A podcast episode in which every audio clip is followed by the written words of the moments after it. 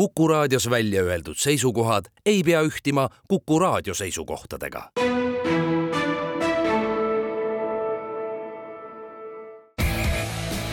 vutikohus. vutikohtul aitab pinget kruvida Pahv tere tulemast kuulama Kuku raadio jalgpallisaadet Vutikohus, mis on eetris igal neljapäeval ning mida juhivad Ott Järvela jalgpalliportaalist sokkernet.ee ja Andres Vaher Õhtulehest.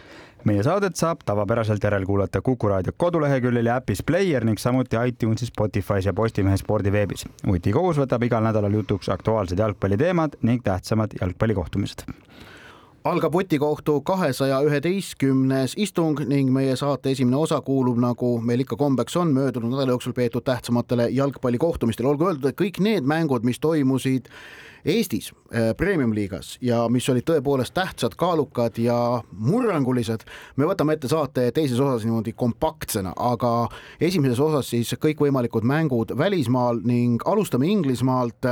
Ja põhjust on rääkida Manchester Unitedist, kelle olukord on äh, kuidas öelda, jätkuvalt väga halb, vahepeal nagu oli natukene mingeid paranemise märke, ent äh, möödunud nädala jooksul on saadud kaks kaotust. Koduväljakul, mõlemad null kolm, esmalt pühapäeval Premier League'i raames Manchester Citylt null kolm ja siis eile õhtul liigakarikasarjas, mis on küll idee poolest üpris noh, kõige vähem tähtsam võistlus. Äh, aga ikkagi, kui sa oled äsja saanud kodus null kolme, kolm ja siis saad uuesti kodus null kolm Newcastle Unitedi käest, siis see on väga valus. Ja Erik ten Haagi tuleviku osas on hakatud esitama küsimusi, mida siiamaani ei olnud tehtud. no eks ikka nüüd küsiti ka eelmisel hooajal, aga ma ei tea seda jah, nagu komplektina need kaks mängu kindlasti ei ole tore, aga samas ma seda ikkagi seda eilset siis null kolm Newcastle'ile selles mõttes üldse ei dramatiseeriks üle, et et noh, reaalsus on ikkagi see, et see sari, sellest sarjast on ju, tuletame siis ka meelde, et Newcastle eelmises ringis võttis maha Manchester City, eile samamoodi kaotas Arsenal, nii et need tulemused ei ole juhused, noh muidugi Manchester Unitedi pigem see, pigem siis eh, mitte need kaks mängu, aga siis üldisem olukord, kus siis eh, tabelis on mis neil on praegu vist liigas viis võitu, viis kaotust, kui ma nüüd ei eksi. meistrite liigas ollakse raskustes, et pigem jah, see üldine olukord on, on ikkagi, on ikkagi murekoht ja jah, tõesti Den Haag siis eilse mängu järel taas pidi siis äh, pidi siis ähm, võtma sõna teemadel, kuidas, kuidas, äh, kuidas tuleb meeskonda äratada ja noh, kõik muu selline jutt, mis ilmselt ei ole väga meeldiv jaoks praegu. no murekoht Manchester Unitedi jaoks on just nimelt see, et sellel võistkonnal ei ole nägu ega tegu. ehk et äh, to toodi hästi välja, et ähm, Unai Emery saabus eelmise hooaja all, esimeses pooles novembris äh, Aston Villa peatreeneriks ning on selle aja jooksul kujundanud Aston Villas välja ikkagi selge jalgpallilise kreedo ehk et kui Villa tuleb väljakule, sa tead, millist võistkonda sa näed, sa te-, sa, sa, sa tead, missuguse hoiakuga see võistkond välja tuleb. Ange Postecoglou saabus Tottenhami tänavu suvel ja on äh, kolme kuuga või noh, nelja kuuga äh, samasuguse asjaga seal hakkama saanud. aga Erik ten Hagi Manchester United, kui tuleb väljakule, on jätkuvalt mingisugune ebamäärane plönn. vahel on, äh, vahel mängib päris hästi jah, ja, ja tegelikult ega siin vahepeal need üheväravalise võidud, mis võeti, need, need, need näitavad, et võistkonnas sisu on, aga sinna järgnevad jällegi säärased ebamäärased õnnetud esitused nagu no ennekõike see pühapäevane derbi Manchester City'ga, kus, kus see null kolm oli noh, väga aus skoor. nüüd see, kuidas City tolles mängus Unitedi üle mängis, oli ikkagi, oli ikkagi väga no see oli, hirmutav isegi no Unitedi nagu, vaatevinklist. no vabandage nüüd mind kõik võrdluse eest, aga see oli nagu Eesti koondise viimased mängud ja äh, need, need, see, see kodune null viis Rootsiga, tõepoolest umbes sama. Ja, ja täiesti nõus. Et see, see oli midagi sarnast. Ja, ja, ja see ongi see, mis tekitab Unitedis ängi ja pahameelt ning nagu me eelmises saates tegelikult ka mainisime, et, et, et, et üha enam on jõudmas pea kõigile kohale arusaamine, et kuigi jah, vaadatakse muidugi peatreeneri otsa, siis need probleemid, miks United ei saa ikka ja endiselt asju käima, äh, on Den Haagist kõrgemal ehk et klubi omanike ja tegevjuhtimise äh, tasandil, mitte peatreeneri ja sportliku juhtimise tasandil. Gary Neville näiteks tõi välja, et Manchester Unitedil jätkuvalt ei ole ikkagi sellist klassikalist spordidirektorit ja, ja noh, et selle klubi struktuur on järelikult iganenud ja, ja toimetatakse vanade põhimõtete järgi, mis lihtsalt ei toimi kaasaegses äh, Premier League'i konkurentsis. jah, ja eks Den Haagi häda ole ka see, et, et tal on nüüd ikkagi juba ta ei ole nagu enam uus Manchester Unitedis, no näiteks võrreldes Mauricio Pochettinoga Chelsea's, kellel ka ei ole veel tulnud. aga noh, vähemalt mina nagu näen, et sellist noh, kui, kui nüüd kasutada sõna nägu, on seal rohkem, et juhul, kui talle nüüd antakse aega ja, ja, ja vajadusel tuuakse, tuuakse õiged mängijad, mitte mingit hulgikaupa, vaid õiged ja vajalikud mängijad, siis ma näen, et Chelsea's on praegu rohkem sellist ainest, ainest sekkuda kuhugi kõrgemate kohtade heitlusesse kui, kui Manchester Unitedis, jah. no vot, et praegu Unitedi, kuidas öelda hooleks või, või nende võimalus on, on praegu ikkagi häid emotsioone ammutada ainult helgetest mälestustest, ega, ega, ega argipäev midagi kaunist ju ei paku. no ei tea, kui meistrite liigas ikkagi äkki õnnestub edasi pääseda, siis eh, noh, tõsi, tõsi, loomulikult sellise mängu ja vormiga eh, on see, tõmbame nüüd taas paralleeli, on see nagu Eesti koondise EM-play-off'is mängimine. Neil, neil, neil, neil on kaks kodumängu peetud, nad peavad tegelikult, et meistrite liigas edasi saada, United peab võitma võõrsil nii Kopenhaagenit kui Galatasaray'd noh, võib-olla, võib-olla ei, ei ole tingimata mõlemat, võib-olla, aga noh, seis on keeruline, aga samas seal on võimalik, on võimalik. No.. on, on, on võimalik, aga kui vaadata ka tabeli üleossa, siis siis äh, isegi võib öelda, et veidi kummalisel kombel kümme vooru on mängitud ja esiviisik hakkab eralduma või? jaa. Esiviisik hakkab eralduma, et äh, viienda ja kuuenda vahe on viis punkti, mis on päris äh, märkimisväärne juba just, tabeli tipp on siis säärane, Tottenham kümne vooru järel kakskümmend kuus punkti, kaheksa võitu, kaks viiki, Arsenalil kakskümmend neli punkti, Manchester Cityl samuti kakskümmend neli punkti, Liverpoolil kakskümmend kolm, Aston Villal kakskümmend kaks, Villa paistab siis sel hooajal olevat see sats, kes eelmine hooaeg oli, oli Newcastle. Ehk et äh, noh, nii-öelda äh, vana traditsioonilise suure kuuiku peamine kimbutaja, Newcastle ise on ei, ei ole veel mängust väljas. no Bright ne, ja Brighton ja, ja nii edasi. ja nemad on, nad on praegu kuuendal kohal ja, ja Brighton samamoodi seitsmeteistkümne punkti peal ehk et jah, viis punkti villast maas aga samas ma ütlen ausalt, see esinelik, Tottenham, Arsenal, Man City, Liverpool, nad kõik mängivad praegu minu jaoks niivõrd äh, ikkagi korralikult, et mitte öelda muljetavaldavalt, et on mul keeruline näha, et nad hooaega esinelikus ei lõpeta need kõik neli satsi? no hetkel jah, et, et selleks peab Villa või siis keegi teine, kes sealt tagant tuleb, ikkagi no üks üllatama, keegi teine väga kõvasti juurde panema ja keegi esinelikust siis oma sooritust langetama, aga samas. Need neli kõik mängivad hästi praegu. jaa, aga ikkagi kümme vooru, et eks me siin oleme isegi ka varasematel aastatel väga ennakaid, enna, ennatlikke järeldusi teinud, et, et ja siis oleme näinud, kuidas, kuidas kellegi kõver kuhugi tõuseb või langeb, et võtame need neli tükki ette ja noh, tegelikult no Man City, see, kuidas nad Man Unitedi tükkideks lammutasid, see oli muljetavaldav. ja, ja kuigi Erling Haaland vormistas, siis tegelikult minu meelest äh, see võit tuli võistkondlikult ja, ja on näha, kuidas Peep Guardiola on taaskord suutnud mingisugused väikesed äh, klotsid ja tükid Manchester City mängule juurde liita ja muuta seda mängu äh, kas paremaks, mitmekülgsemaks. noh, mulle, mulle imponeerib näiteks see, kuidas ta Julian Alvarezile on nüüd leidnud koha. eelmine hooaeg Alvarez oli ju enam enamasti Haalandi vahetusmängija, nad koos enamasti pigem platsil ei olnud. praegu on leitud lahendus, kus Alvarez mängib äh, siis toetavat ründajat ja noh, argentiinlane naudib seda rolli, särab selles rollis, ma julgeks isegi öelda. Jah, no ikkagi pigem just ka selle mängu põhjal, mis ei ole muidugi City puhul enam väga avastus, aga ka selle mängu puhul ikkagi väga torkas silma, et et kui no see meeskond on nii ühes keeles, et eh, noh, ja mitte siis just nagu eelkõige vaimselt, aga see eelkõige näiteks pressingut tehes, nad teavad nagu ülihästi millisekundi pealt, mida nagu teine teeb, et et see on praegu tõesti meeskond, mis mis nagu toimib nagu nii hästi, no loomulikult tuleb sisse eksimusi siin vahepeal Inglise liigas, eks saadi kaks, kaks kaotust järjest Wolverhamptoni ja Arsenali vastu no, juhtub, aga aga ikka, ikka no see, kuidas nad mängivad, on ikka tegelikult on ikka võimas no..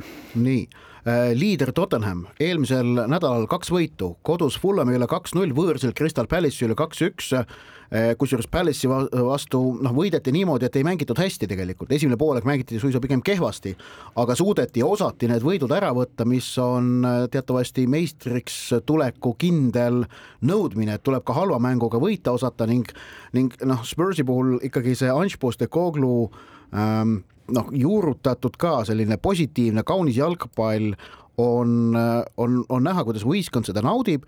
Ja teine asi, mis ikkagi Tottenhami mängudest läbi kumab, on ka see, et seal on värskust, neil on värskust minna lõpuni ja põhjus, miks nad igas mängus lõpuni kestavad ja saavad ka oma parimaid mängijaid pea kogu aeg lõpuni väljakul hoida, on see, et neil eurosarja ei ole. Ja liigakarikast on nad ka välja osanud kukkuda. jah, see kindlasti muidugi. Noh, lihtsalt see on pragmaatiline tõde, et, et see aitab ja praegu siis selle uue treeneri toodud positiivne värskus töötab. Ehm, Heung-Min Son on üle võtnud Harry-Kane'i saapad. Ehm, ja, väga edukalt, James Madison assisteerib. jah, et õnnestunud äh, täiendused meeskonda, kõik toimib, äh, kõik on praegu väga hästi, aga lihtsalt ootaks, kuni nüüd tulevad väikesed künkad. Sellepärast et need kindlasti tulevad mm -hmm. varem või hiljem mm. -hmm. ja siis on küsimus, kui vara, kui hilja, kui suured, kui väikesed ja kuidas siis meeskond reageerib. Tottenhamil on praegu seni olnud vägagi kindel põhikoosseis, neil äh, põhikoosseisus kui ma eksin nüüd ka selles Crystal Palace'i mängus, kas üheksa mängijat olid säärased, kes on kõikides mängudes väljakul käinud ja, ja vist ühe erandiga alati põhikoosseisus olnud. no see on viis, kuidas tuli kaks tuhat kuusteist meistriks Leicester City tegelikult. säärast mudelit kasutades. Londoni Arsenal, mäletame, eelmine hooaeg proovis ja kui neil tekkisid hooaja teises pooles probleemid sellega, et, et tuli hakata koosseisu vahetama, siis nad ka lagunesid. Tottenham Hotspur, ma usun, et Ange Postecoglou, noh, tal on need näited teada ja noh, eks, eks ta mõtleb, kuidas käituda siis, kui, kui ei saa seda põhikoosseisu enam kasutada, aga tõepoolest, et kui Kristjan Romero langeb, langeb rivist välja või, või Pedro Porro või, või, või noh, kes iganes seal, kui Madison peab mingid mängud vahele jätma, Son ei saa mängida, mida siis teha? Jah, noh, küsimus ongi siis jah, et, et kui pikaks ajaks, kui palju korraga, kui, kui nad kukuvad ükshaaval, siis vast pole hullu, aga, aga jah, et just, et, et kuidas nad reageerivad siis jah, erinevatele väikestele tagasilöökidele, mis, mis tulevad, no näiteks järgmine mäng see pühapäev Chelsea'ga, vaatame. esmaspäeval. esmaspäev, vabandust, jah ja.. nii, mida öelda Arsenali kohta? Kõik on kontrolli all, hästi, et see liigakarika kaotus, tööõnnetus, ma arvan, see ei morjenda keegi, kedagi, kedagi väga liigas ju. eile õhtul siis West Hamile üks-kolm. just, kaot-, kukkusid ka välja siis nagu Manchester United ja nagu Manchester City on sealt välja kukkunud aga liigas siis äh, jätkuvalt kaotuseta, siis kaks Põhja-Londoni klubi on ainsana, ainsana kaotuseta, noh, mõni võit on tulnud raskemalt, mõni kergemalt, nagu näiteks viimasel nädalavahetusel Sheffield Unitedi üle äh, viis-null, noh Gabriel Jesus on jälle teadmata ajaks audis. no vähemalt sellise vastase vastu nagu Sheffield saadi ilma temata muretult hakkama, aga aga noh, samamoodi, et eks sellised asjad just sellistel võistkondadel pigem nagu Tottenham, Arsenal, eh, vähemal määral ma ütleks Liverpool ja üldse mitte Manchester City, et kui mängijad hakkavad välja kukkuma tõesti, nagu sa ka Tottenhami puhul mainisid, siis see saab olema tõsine, tõsisem proovikivi. mäng, mäng kui selline noh, kõigil, kõigil kulgeb, kõigil esineliku meeskondadel praegu. ja Liverpool võttis neljanda järjestikuse äh, võidu äh,. kaks võitu järjest. vabandust, Premier League'is teise ja, ja. muudes variantide peal kokku neljanda, aga jah, teise järjestikuse võidu äh, sedapuhku Nottingham Forestist oldi kolm-null üle, väravad lõid kõik ründajad, kes koosseisus alustasid, Mohamed Salah, Diogo Jota, Darwin Nunez. no Liverpooli mängu Äh, kuidas öelda, e, seda, seda päeva kõige enam mõjutas tegelikult hoopis jalgpalliväline väga kahetsusväärne traagiline sündmus ehk et Luis Diaz'i meeskonna kolumblasest ääreründaja vanemad äh, rööviti äh, Kolumbias, noh ilmselt lunaraha nõudmise eesmärgil, tema isa on siiani kadunud, ema on, ema on vabastatud. Ja, ja see oli noh, näha, kuidas see muidugi ka Liverpooli meeskond tolles mängus äh, kuidas öelda, mobiliseeris tegelikult, sellised asjad paraku mõjutavad ka sporti. ja see, kuidas, see, kuidas Jürgen Klopp, noh, nagu me ju teame, et ta on selline inimene, kes on tegelikult noh, hästi-hästi inimlik äh, ka oma kõikides avalikes esinemistes, see, kuidas noh, ma, ma mitte ainult ei lugenud, aga ma pärast lihtsalt noh, puhtalt inimlikust, ainult inimlikust huvist nagu vaatasin ja kuulasin selle pressikonverentsi järgi, see on ikka nagu, kuidas nii tipptreener suudab sellises olukorras, no mis me võime ette kujutada, mis see, nad ju peavad klubina ja meeskonnale sellele nagu, see on nagu võimalikult raske asi, millele sa üldse reageerid kuidagi. Ja kuidas ta seda tegi, et see oli nagu sellises olukorras saab üldse öelda nagu, nagu nii siiralt ja kuidagi nii empaatiliselt nagu no, see klass, klass. ja see on üks, üks asi, see on klass just nimelt, et ta noh, see inimlikkus, aga teine asi on ka see, et, et tegelikult säärase empaatika, empaatiavõimega ongi Klopp jõudnud treenerina sellele tasemele, kus ta on jõudnud. selle, sellesama empaatilisusega ta suudab avada mängijates sellised võimed, mida teised, millega teised treenerid hakkama ei saa, sellepärast et noh, lõpuks me ju ennekõike praegu tippjalgpallis see võitlus käibki ikkagi psühholoogilisel tasandil, et, et eh, noh, jah, on võimalik taktikaliselt natukene in, innovaatiline olla ja, ja midagi siin-seal välja mõelda, aga lõpuks kõige suurem eh, võimalus mingid, eh, mingid peidus olevad võimed esile tuua ja, ja teha selle, saavutada olukord, kus üks pluss üks ei võrdu mitte kaks või kolm, vaid, vaid seitse või kaheksa, on ikkagi just nimelt see mängija mängijate peadesse jõudmine.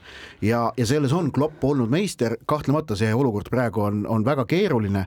Aga noh, jah, kui, kui keegi sealt suudab asja, asja koos hoida, siis on see klopp on ju. nojah, kui vaadata tegelikult kõiki neid treenereid, kes siin tippklubidel on, et loomulikult on kõik mingit pidi erineva karakteri ja, ja ka treeneri käekirjaga, aga aga alates siis siin Postecoglust, Arteta, Guardiola, Klopp, Unai Emeri, kõik nagu noh tähelepanuväärne muidugi see, et ükski keegi nendest ei ole inglane. Et aga noh, see selle, see selleks, et noh, kõik ikkagi suured juhid, suured juhid erineval moel. ja äh, esimene inglasest peatreener tuleb siis kuuenda koha meeskonnas Newcastle'is, Eddie Howe. edasi, edasi Roberto De Zerbi Brightonis äh,, Erik ten Haag äh,. siis tuleb David, David Moyes. David Moyes, kes on šotlane yeah.. Toomas Frank on taanlane, Pochettino oi, oi, oi siin ja inglise, inglise treeneritel. Crystal Palace kolmeteistkümnes, Roy Hodgson on järgmine. lõpus tulevad, lõpus tulevad kuskil.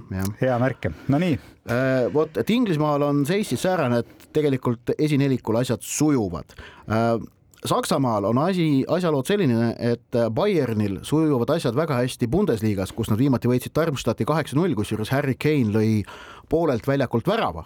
no see jah, see oli ka muidugi äge, aga seda me näeme ka Eestis, aga see oli ikka täiesti crazy mäng, poolaeg null-null mm. -hmm. täiesti. aga kolm punast kaarti kõik, kõik kusjuures viimase lootuse vea eest. niimoodi, et Bayern jäi esimesena kümnekesi ja siis sinna otsa sai Darmstadt ise kaks punast kaarti ja, ja siis teisel poolel Bayern lõi kaheksa, kusjuures ma keegi, mul siin kuskil, kuskil kurtis või ütles, et noh, et mis see Harry Kane'i keskringist löödud värav, et noh, et pingevaba olukord ja võit oli kindel. no kuulge, unustage ära, säärane, säärane löök sooritada, see, see nõuab tohutut meisterlikkust. ma, ma ei, ma ei ole nõus ühestki otsast ütlema, et see oli, tunnistama, et see oli lihtne. ei, ei muidugi ei, noh, kahtlemata mitte seda, aga lihtsalt noh para, paraku on niimoodi, et näiteks kui selle, sellise värava oleks löönud keegi Pohhumi mängija, siis me ei räägiks sellest, noh, et, et noh, nii on, et aga ei muidugi, et just selle mängu kulg oli mitte Bayerni võit, aga ja isegi mitte niivõrd tulemus, aga selle mängu kulg ja siis need episoodid, mis seal sees olid, olid väga-väga omapärane, aga. sellele kaheksa-null vaatamata aga... võime öelda, et Karol Mets on parem kui Harry Kane jah, Karol Mets on parem kui Harry Kane, sest vahetusheitluses Bundesligas nad veel koos ei ole, aga, aga Saksamaa karikavõistlustel on Karol Mets jõudnud kaugemale kui Harry Kane ja kompanii Äh, siis St Pauli, kes teises Bundesligas jätkab äh, liidrina, mis on ülikõva, äh, sai siis üleeile õhtul Saksamaa karikasarjas jõudis kuueteist hulka, alistati Schalke kuul, suure kuulsusrikka ajalooga meeskond, kes praegu siis seal teise Bundesliga lõpus, lõpuotsas vireleb, kaks-üks see mäng võideti, ollakse kuueteist parema hulgas, neile vastane loositakse laupäeval, ei, vabandust pühapäeval, pühapäeval ainult kuus meeskonda kuueteistkümnest on Bundesliga-st, mis näitab siis seda, milline Saksamaa liiga, tippliigade tase on ja siis suurim üllatuspomm lõhkes eile õhtul Saarbrückeni nimelises linnas. jah, sellepärast et Müncheni Bayern suur ja võimas Müncheni Bayern, sõitis sinna sellesse väikesesse ja toredasse Saarbrückeni linna kohaliku jalgpalliklubi võitma. mis asub kolmandas Bundesligas viieteistkümnendal kohal. jah, ja kõik läks alguses plaani järgi, sellepärast et kuueteistkümnendal minutil Toomas Müller viis Müncheni Bayerni kenasti seda mängu juhtima, aga esimese poole lõpus Saarbrücken viigistas ning siis äh, normaalaja kuuendal lisaminutil äh, jõudis sihile Marcel Gaussi nimeline ääreründaja ning Saarbrücken lülitas Müncheni Bayerni konkurentsist välja. ja no see, see oli ikkagi šokk.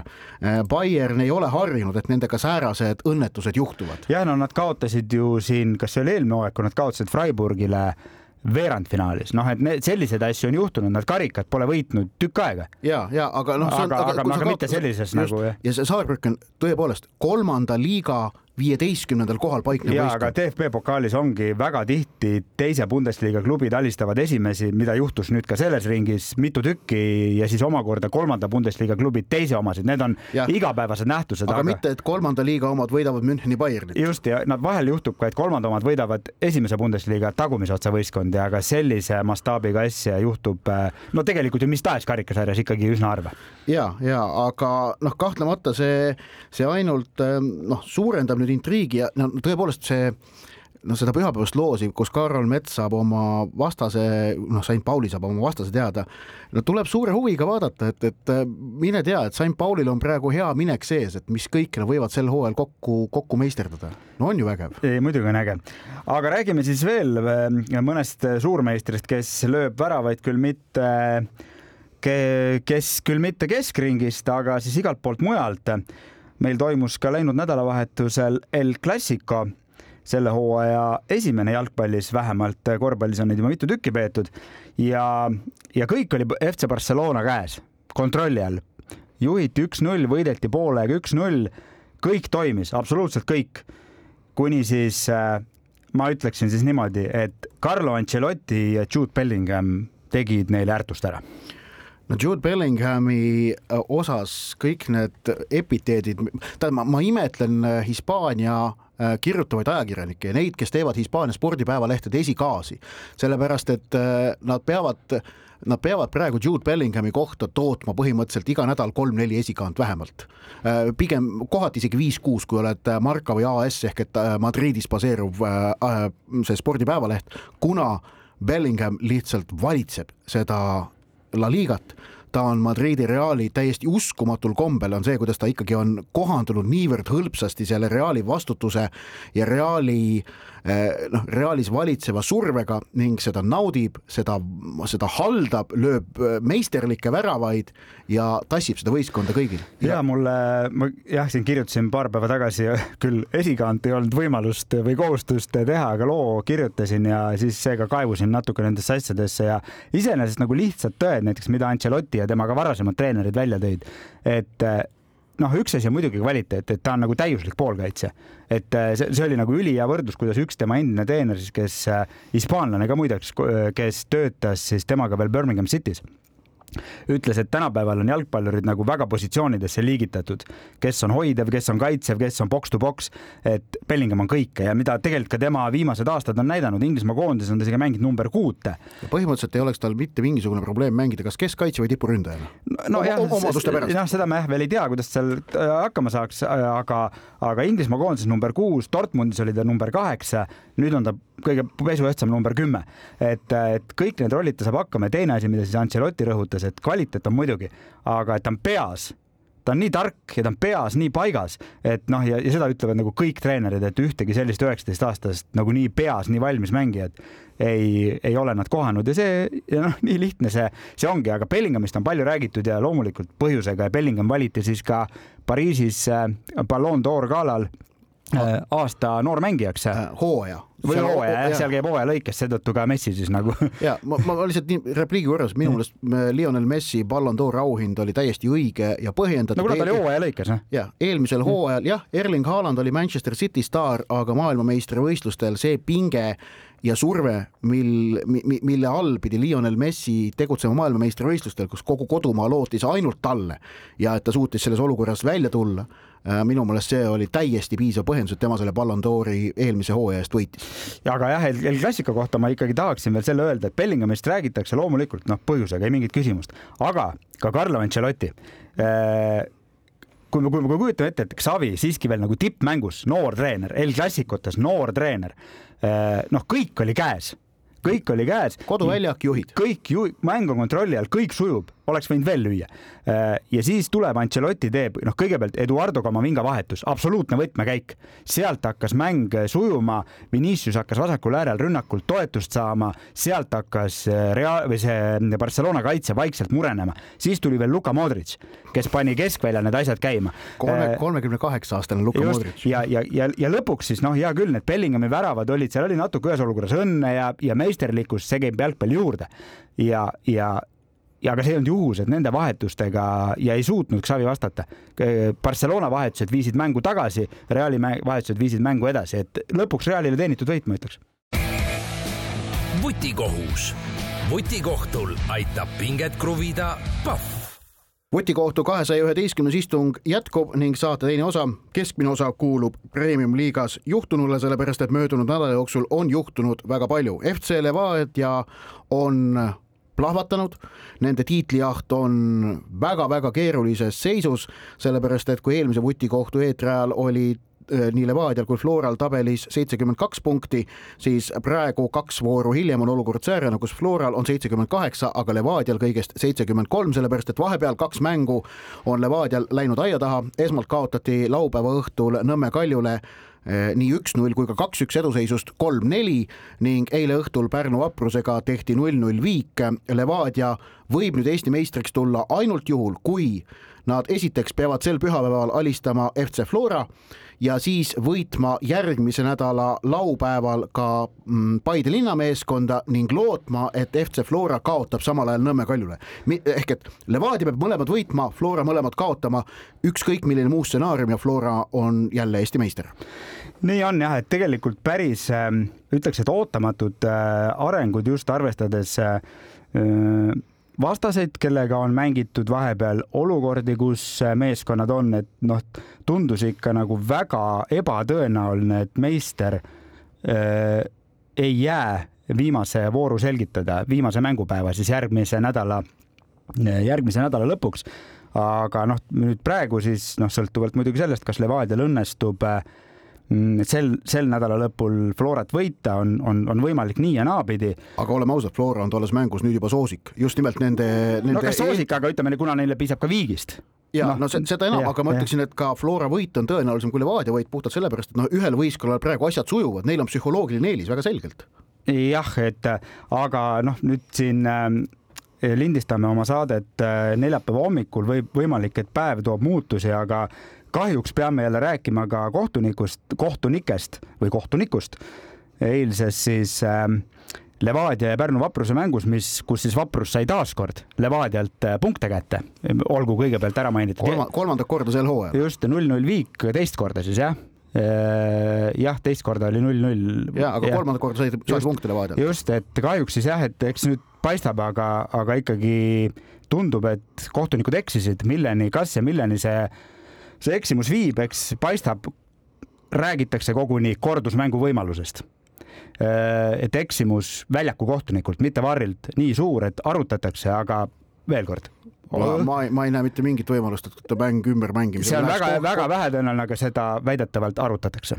ma ei näe võimalust, et see oleks õiguspärane jah, noh, lihtsalt. tähendab, ma ütleksin niimoodi, äh, mängu uuesti mängimine kohtuniku eksimuse tõttu oleks ebaõiglane jah, lihtsalt hea küll, see on tõenäoliselt, see on ülipretsedenditu ja sellist asja nagu esineb üldse maailma jalgpallis väga harva, aga.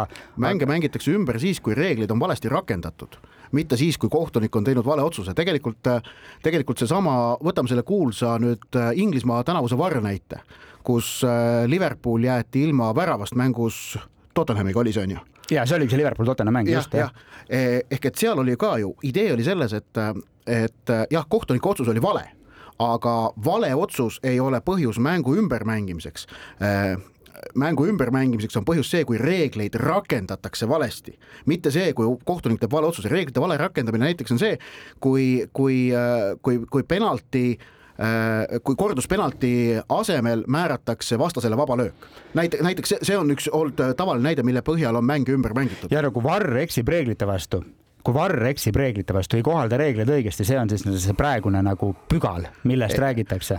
no samas on jalgpallireeglitesse sisse pandud, Varri eksimus on täpselt samasugune eksimus nagu kohtunik väljakul eksib. jah, et nojah, ühesõnaga läheb, kuidas läheb, noh, loomulikult kordusmäng on nagu üli, üli ebatõenäoline, pretsedenditu, aga see lihtsalt näitab, et noh, me ei taha sellest rääkida, me ei taha, mitte kuidagi me ei taha nendest kohtunikest rääkida aga kahjuks me peame nendest viimasel ajal rääkima, lihtsalt see on, see on, see on no,, see on ja, minu jaoks see loo moraal. jah, siin nüüd, kuidas öelda, et et vaigistada vandenõuteooriaid nagu Florat tassitakse, siis on otse loomulikult võtta, tegelikult on väga hea näide võtta üle-eelmisest voorust kus Flora võitis Harju Laagrit kolm-kaks ja tolles mängus, kuidas kohtunikud nii väljakul kui ka varruumis tegid kolm ränka eksimust FC Flora kahjuks.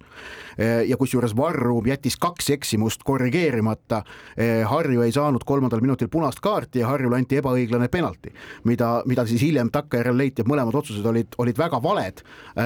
nii et neid, neid eksimusi tuleb igale poole ja, ja tõepoolest see hooaja lõpp on Eesti jalgpallikohtunike jaoks olnud igatepidi kehv no on selgelt nad liiga palju pildis, liiga Äh, liiga, liiga paljude halbade otsustega on pildis ja noh, ka see eelmise reede farss Tartus, kus äh, kohtunikud panid mängu seisma sellepärast, et neile ei meeldinud see, mida üks klubi juht tribüünilt hüüdis ühele abikohtunikule. no see on, see, see, see oli nali, see oli, ma ütlesin ausalt, see oli farss ja minu meelest oleks pidanud seal järgnema kohtunikele vilistamiskeelud sellise farsi korraldamise eest. mida pole, mida ei järgnenud. mida ei järgnenud ja, ja oluline on see, et minu meelest kohtunikud, äh, jalgpalliliit, mul on tunne, et tegelikult on nõus, aga noh, nad ei saa niivõrd avalikult seda tingimata välja öelda, aga kohtunikud ei ole siiamaani aru saanud, et selles reedeses mängus Tartus suurema eksimusega said hakkama nemad ja mitte Tammeka tegevjuht Kristjan Tiirik, kes äh, ühte abikohtuniku tribüüni pealt äh, noh, kuidas öelda, aasis või mõnitas, seda võib öelda. ehk et see, mida kohtunikud tegid, oli suurem viga kui see, mida tegi Tiirik tribüünil. ja no minu jaoks nende võrdlemine üldse ei olegi nagu vajalik, et, et mõlemad käit-, üks käitus ebaviisakalt ehk siis Tiirik. Käitus lihtsalt niimoodi nagu inimesed no,, eriti veel võõrustav klubi, kes ju võõrustab muuhulgas ka kohtunikke, et eh, lihtsalt see on ebainimlik ja, ja, ja kogu no, lugu, kogu lugu, aga kohtunikud on seal mängul tööl konkreetselt, tööl teenindamas, et, et ja nemad ei saanud sellega lihtsalt ja ma ei räägi otsustest, nad ja, ei saanud. aga no ma, võtame võrdlusmaterjal, noh, ütleme e-, Eesti jalgpallimängudel on piisavalt vähe publikut, et me, me teame ja kuuleme, mis on staadionidel juhtunud. kõik need korrad eelmistel hooaegadel, kui Levadia erinevad spordidirektorid on A Le Coq Arena'l röökinud üle staadioni, mida kõike kohtunike suunas ja mitte midagi pole ette võetud.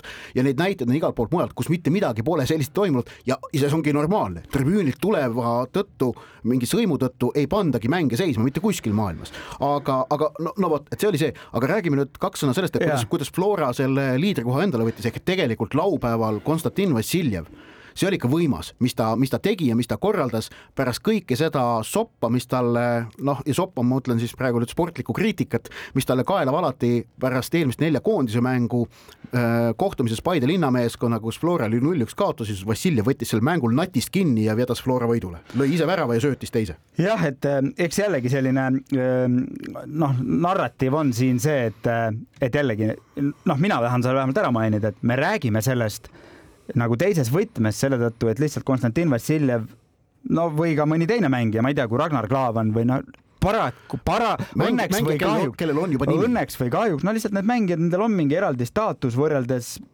tegelikult ükstapuha millise teise mängijaga Eesti Premium-liigas hetkel, et et nende, nende, nende käekäik, tõusud, mõõnad lihtsalt need on eraldi luubi all ja kuna, kuna ikkagi noh, Vassiljev ja asja eest minu arvates pärast ko viimaseid koondise mänge sai nii, et tolmas. muidugi sai asja eest, ta, ta, ise möönis ka, et ta sai asja eest. just ja noh, iseasi on nüüd muidugi see, et noh, et mõni reaktsioon läks, läks selliseks, et noh, et mingu ise kohe koondisest ära, sellega ma nõus ei ole, et äh, lihtsalt ei ole äh, sellepärast, et seda ei otsusta mitte ükski kõrvaltvaataja, seda otsustavad äh, asjasse pühendunud inimesed, mille no või siis tema ise, noh, et ja. kaks varianti, et, et aga jah, et see, et see reaktsioon, ta ise küll seda noh, viisakusest ma olen kindel, et viisakusest lihtsalt ütles, et see ei olnud nagu reaktsioon, et no, no me Andres sinuga me kahekesti rääkisime ja. Kostjaga pärast seda laupäevast mängu Paidega, me olime ainsad ajakirjanikud, kes seal mängul töötasid, tegime intervjuud temaga. no oleme ausad. ei no tööl oli veel ajakirjanik, kes siis temaga seda konkreetset intervjuud. ja, ja eh, oleme ausad, see noh, rahulolu, mis Vassiljevist välja hõõgus, seda oli võimatu mitte näha noh, aga, aga see on sportlasele loomulik, vaata, see ongi sportlast käivitav jõud, et sa ebaõnnestumisest hangid endale motivatsiooni, seda sportlikku viha ja realiseerid. ja, ja ta oli sellega just hakkama saanud ja muidugi ta oli endaga ääretult rahul. ja, ja, ja aga loomulikult olen ka täiesti nõus ja, ja päri ja isegi rõhutaks veel seda poolt, et loomulikult see, et Vassiljev niimoodi premium-liigas särab, on ka muidugi näitaja premium-liiga kohta, nii on.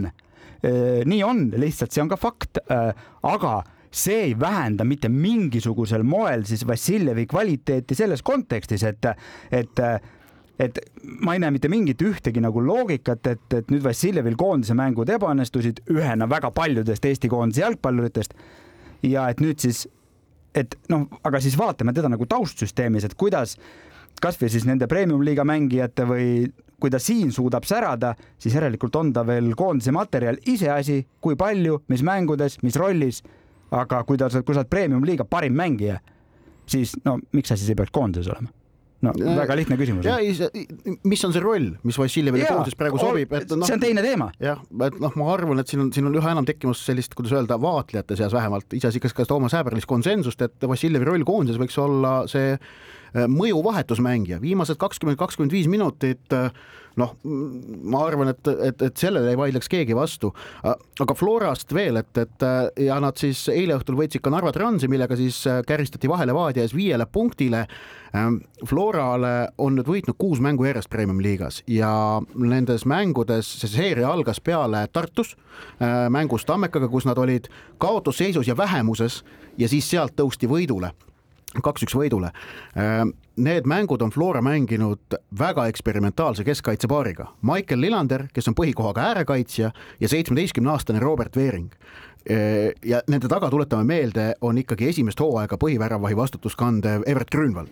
ja see minu meelest on muljetavaldav, et nad on suutnud äh, selle Eh, see näitab kvali-, see näitabki Flora kvaliteeti, et vaatamata säärastele tagasilöökidele, neil on keskkaitsest no ridamisi mängijaid välja kukkunud, suudetakse praegu neid võite võtta ja hoitakse liidrikohta. ja, ja noh, üldse mitte ainult keskkaitse, neil on olnud pikemat perioodi ka olulisi mängijaid mujalt eemal ja siin just ongi, vähemalt hetkeseisuga, meil ei ole hooaeg veel lõppenud, meistritiitlit ei ole välja kirjutatud, aga siin ongi suurim vahe, kuidas Flora selle hooaja lõikes siis suudab eh, mingites olukordades käituda meeskonnana Äh, mis on minu jaoks, ma ütlen ausalt, mingit pidi üllatav.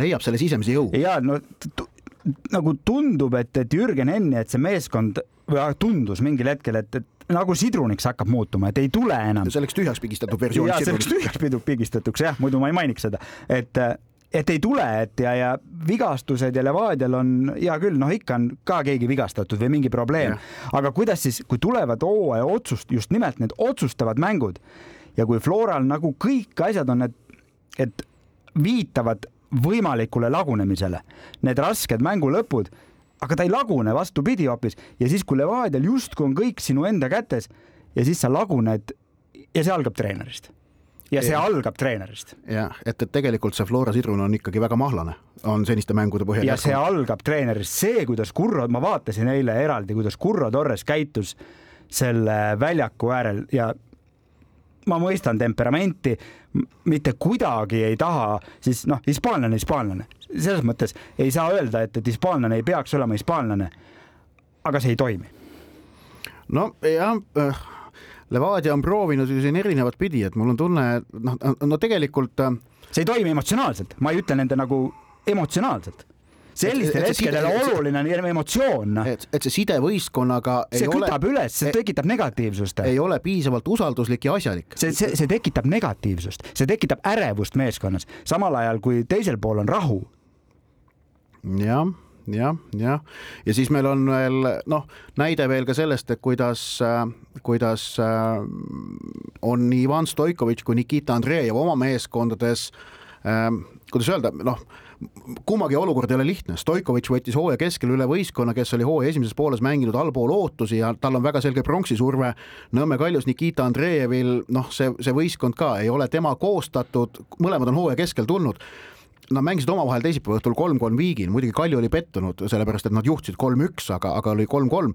samas Andreev ja Stoikovitš just nimelt on minu meelest vähemalt selle usalduse oma võistkonnaga suutnud ikkagi saavutada ja, ja seeläbi jah, tulemused ei ole kummalgi olnud kokkuvõttes ikkagi liiga hiilgavad ja mõlemad on ebastabiilsed olnud, aga see võistkond usaldab neid peatreenereid, see on selgelt näha, aga kas Levadias on see niimoodi, vaat ma ei ole kindel. no ja olen... mina isegi, ma ei, ma ei arva, et meeskond ei ole Torrese taga või et usaldada, aga vaata, see ongi see, et kui, kui tulevad tõeliselt pingeolukorrad, nagu tõeliselt pingeolukorrad. ja siis on kus... see kirjeldamatu usaldus tegelikult jah, see, kas on kuskil seal alateadvuses või ei ole. aga isegi võib-olla on niimoodi, see muidugi juba läheb nagu natuke nagu psühholoogia süvateaduseks, aga, aga isegi kui usaldavad, isegi kui treeningprotsessis kõik toimib, aga kui sul on nagu noh, need mängud on ju tohutud pinged ja seal isegi ei ole nii oluliselt nagu taktikalised nüansid, aga kas sa nagu sest see on ju, meil on ju ridamisi näiteid erinevatelt sportaladelt, kus see, kui treener platsi ääres on, on niivõrd ärritunud ja närviline, see kandub meeskonda üle ja, ja ja ma ei taha öelda, et emotsioon on halb, ei ole, väga hea on emotsioon, aga kui ta on just nimelt selline, ma kasutaks sõna ärritumine, närvilisus eh, no,, mida Torresest praegu õhkub. ja vot see on see, mida me enne, ennist rääkisime Jürgen Kloppi ja ka siis teiste Premier League'i tipptreenerite puhul, et väga palju on võimalik ära teha ikkagi psühholoogiliselt, mentaalselt ja selles on FC Flora olnud siin hooaja lõpusirgel Levadiast selgelt üle. absoluutselt ja nüüd, kui nädalavahetuse omavahelise mänguni, mis noh kui Levadia tahab äh, tiitli lootust ellu jätta, tuleb neil FC Florat võita, siis äh, noh, esimene eeldus minu arvates lisaks igasugustele mängulistele, taktikalistele on see, et nad peavad keskenduma ja, ja kui nad endas loovad sellise kannataja, ohvri tüübi äh, juba sinna väljakule minnes, no siis tõenäosus, et neil õnnestub see mäng ja ka tiitel võita, on no ma arvan, et päris väike. paneme panuseid vutikohtu kahesaja üheteistkümnes istung jätkub, kolmas veerandaeg käsil meil on ja pahv.ee pakutavad jalgpallikoefitsiendid selle sisuks tavapäraselt. Lähme siis erinevate klubimängude manu ja, sõna otseses mõttes. minu kõik kolm pakkumist tulenevad Premier League'ist, esiteks laupäeva äh, hommikul Inglismaa järgi, Eesti järgi kell neliteist kolmkümmend Fulham võõrustab Manchester Unitedit, et külalismeeskond United ei võida, koefitsient üks koma seitsekümmend neli nii lihtsa pakkumise võtsid. just. nojah äh, teiseks, samal päeval äh, veidikene hiljem sõidab Londoni Arsenal külla Newcastle Unitedile, Arsenali võit kaks koma viiskümmend viis no üsna fifty-fifty mäng, mida vist ka koefitsient reedab, ma ütleks, et äh, ma arvan, et au see. ja esmaspäeva õhtul Tottenham võõrustab Chelsea't. mul on Anže Postecoglou tegemistesse usku, Tottenhami võidu koefitsient kaks koma neliteist on päris hea minu meelest. ja no vot natuke ikka minu jaoks, et Chelsea on niisugune mingi mingi nagu dünamiit, äkki ühel hetkel kärgatab siis positiivselt, mine tea. aga. Tottenhamil jälle, neil on olnud nüüd öö, üheksa vaba päeva eelmisest mängust võetuna. Nad on väga põhjalikult, rahulikult valmistuda, Chelsea mängis siin keske, nädala keskel liigakarikat, noh, see kõik soosib Tottenhami. ei, seda küll jah mina siis võtan, et igasse õhtusse oleks millegi üle siis kaasa elada või siis kurvastada. kõigepealt reedel Pariis Saint-Germain, Montpellier, no, no hakkab tulema väravaid. BSG lööb rohkem kui kaks väravat, koefitsient minu arust hea, kaks koma üks. Äh, ütlen siis järgmised ka ära, laupäev Saksamaal, ter-, ter-, klassiker, Dortmundi Borussia, Müncheni Bayern. ma tean, et Bayern on nurgas, on vihale aetud, on tige ja on ohtlik. aga Dortmund kodus ei kaota kaks koma kolm, lihtsalt liiga palju minu jaoks, lihtsalt liiga palju ja siis pühapäeva jätame siis äh, sellise põnevuskohtumise nagu Luton ja FC Liverpool. Mohammed Salah lööb värava kaks koma null. paneme panuseid vutikohtu kahesaja üheteistkümnes istung räägib enne tänaseks otste koomale tõmbamist nüüd põgusalt ka eeloleva nädala jooksul peetavatest tähtsamatest jalgpallikohtumistest. no Premier League'i olulisemad matšid said siin eelmises rubriigis ära nimetatud laupäeva õhtune Newcastle Arsenal mäng on vast üks maiuspala ning, ning teine siis esmaspäevane Tottenham Chelsea duell, aga vast äh, nädalavahetuse Euroopa selline kõige kõige mõnusam, magusam mäng peetakse ikkagi laupäeva õhtul Saksamaal, sellepärast et äh, Der Klassikeris võõrustab Dortmundi Borussia Müncheni Bayernit, kes siis sai just nimelt ikkagi selle Saarbrückenilt karikakaotuse ja selle pealt tollele mängule vastu tuleb ning noh ütleme nii, et äh, keeruline on alati Bayerni vastu, aga vast sellise mõnevõrra ebakindla Bayerni vastu võiks olla natukenegi hõlpsam. jah, no jah, kuidas, kuidas see Bayernile nüüd mõjub, eks seda saab näha olema, lihtsalt see lisab kindlasti sellele mängule sellist oma, oma vürtsi.